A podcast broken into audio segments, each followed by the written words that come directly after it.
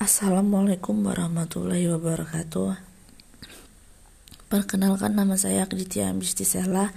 Saya dari kelas 2B Prodi Manajemen Fakultas Ekonomi dan Bisnis NPM 206120178 mata kuliah Pendidikan Kewarganegaraan. Baiklah, saya akan mencapai materi tentang ketahanan nasional. Ketahanan nasional menjadi tanggung jawab seluruh masyarakat Indonesia Ketahanan nasional harus dibina serta dikembangkan secara terus-menerus agar kehidupan masyarakat semakin terjamin. Ancaman terhadap ketahanan nasional pasti akan datang menghampiri dan selalu berubah. Ancaman itu tidak harus dalam bentuk agresi militer dari negara lain, tetapi juga berbentuk bencana alam, konflik antar etnis atau agama, penggunaan narkoba, dan lain sebagainya. Maka dari itu sangat penting untuk terus memahami konsep ketahanan nasional membina dan mengembangkan mengembangkannya dalam kehidupan berbangsa serta bernegara.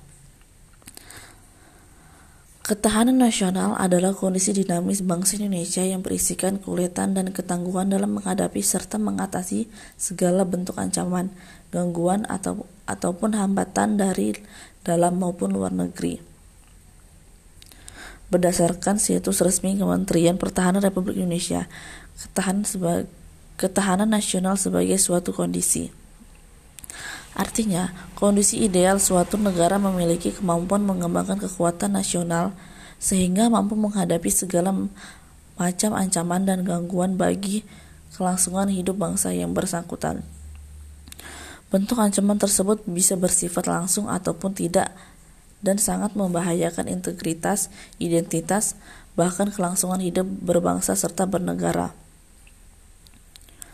Istilah ketahanan nasional mulai dikenal sejak tahun 1960-an.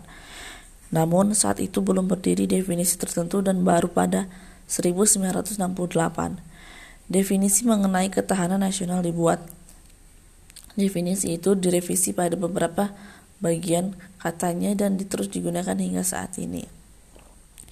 Ada beberapa fungsi ketahanan nasional yaitu satu Daya tangkal sebagai konsepsi penangkalan, artinya ketahanan nasional berfungsi sebagai penangkalan dari segala bentuk ancaman, gangguan, ataupun hambatan terhadap integritas identitas serta keberlangsungan hidup berbangsa dan bernegara. 2. Ketahanan nasional berbagai pengarah artinya ketahanan nasional berfungsi untuk mengarahkan potensi kekuatan yang dimiliki bangsa Indonesia dalam bidang ideologi, politik, ekonomi, sosial, budaya, pertahanan, serta keamanan untuk mencapai kesejahteraan hidup masyarakat. 3. Pengaruh dalam penyatuan pola pikir, pola tindak, serta cara kerja yang inter intersektor serta multidisipliner.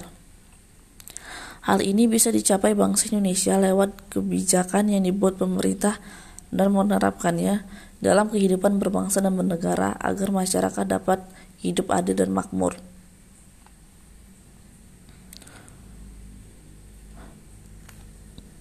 Baiklah, sekian penyampaian materi dari saya. Wassalamualaikum warahmatullahi wabarakatuh.